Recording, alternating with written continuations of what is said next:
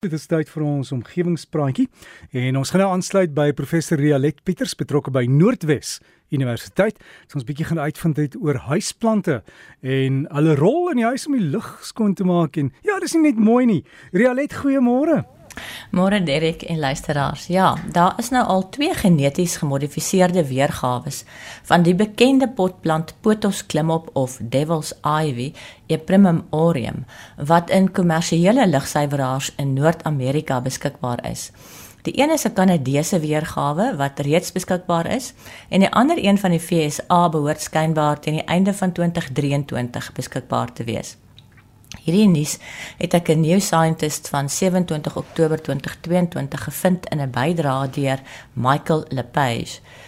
Hierdie potplante vorm deel van die lugsuiweringsstelsels wat vir binneshuise gebruik bedoel is. Reeds in 1989 het NASA bevind dat plante in verseelde houers hoë vlakke binneshuise besoedelstowwe soos benseen en formaldehyd uit lug kan verwyder en daarom gebruik kan word om lug te suiwer. En benseen en formaldehyd is beide kankervormende verbindings. Maar is een ding om te bewys dat 'n plant verbindings uit die lug kan opneem en 'n ander een om binneshuise plante op groot skaal aan te wend as lugsuiweraars. Zhang en medewerkers van die Universiteit van Washington in Seattle, die VSA, het besluit om die vermoë van die potos klimop om besoedelstowwe uit die lug uit te neem te verbeter deur die plant geneties te manipuleer. Hierdie studie het in Desember 2018 aanlyn in Environmental Science and Technology verskyn. Hulle het die geen vir 'n lewerensiem wat in soogdiere voorkom, sitokroom P450-2E1 in die plant se genoom ingeskryf. Die sitokroom P450 ensiemreeks is bekend daarvoor dat hulle vreemde stowwe in die liggaam probeer afbreek sodat daarvan ontslae geraak kan word. Dit het die plant se effektiwiteit laat toeneem, maar die outeurs se raad was dat die lug aktief met die hulp van 'n waaier oor die plante gewaai moet word om die toepassing van die plant om lug te suiwer enigsins betekenisvol te maak. Die plante se effek is eintlik net te klein om 'n werklike impak te maak.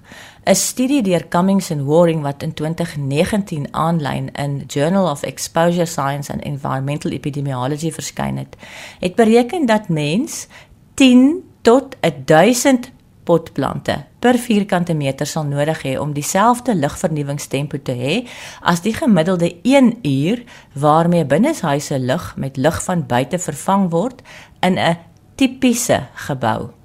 Hulle het 11 studies waarin plante en of mikrobes getoets is om lug te suiwer geëvalueer, insluitend die een deur Zhang en die NASA studie waarvan ek net nou gepraat het.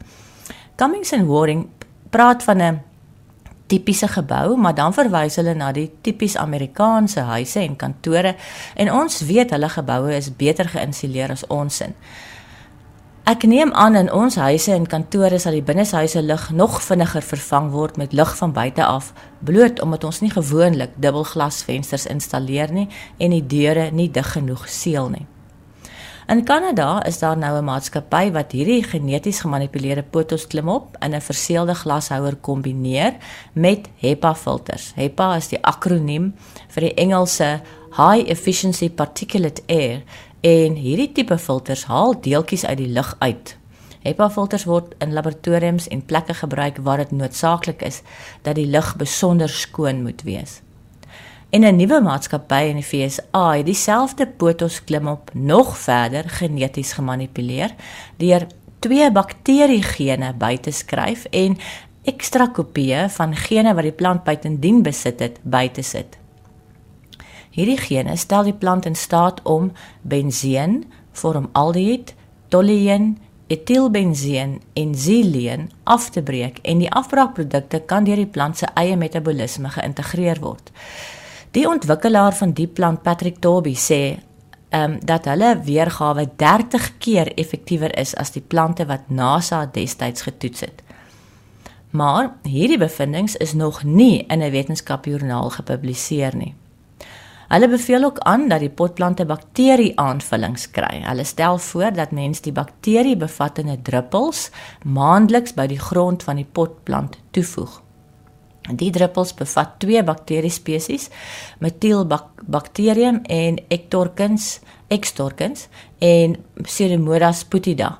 En hierdie bakterieë is reeds natuurlik aangepas om benseen en formaldehied uh te verteer. Al die eksperimentele werk wat met die plante gedoen is, het gefokus op die verwydering van die sogenaamde VOC's. In Engels is dit nou volatile organic compounds of dan nou die vlugtige organiese verbindings. Baie hiervan is kankervormend, soos formaldehied en benzeen. Maar ek was nuuskierig om uit te vind waar al die binneshuise besoedelstowwe dan nou vandaan sal kom.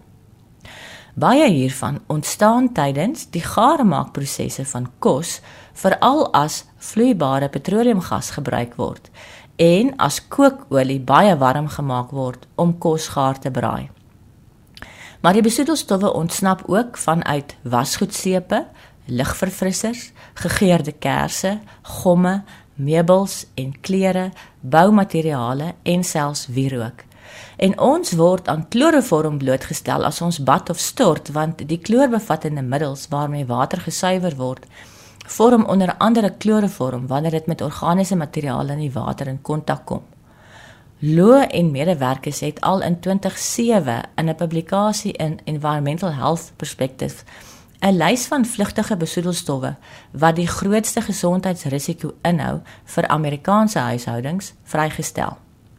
Hierdie lys het benzeen, formaldehied, 1,3-butadieen, koolstoftetrakloried, asetaldehied, 1,4-diklorbenzeen, naftaleen, perkloretileen, kloroform en etieleen-dikloried ingesluit.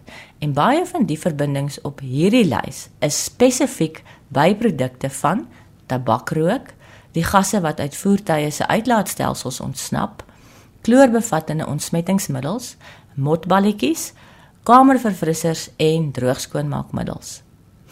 Ek is daagliks ehm um, ons is daagliks aan hierdie en nog ander verbindings blootgestel.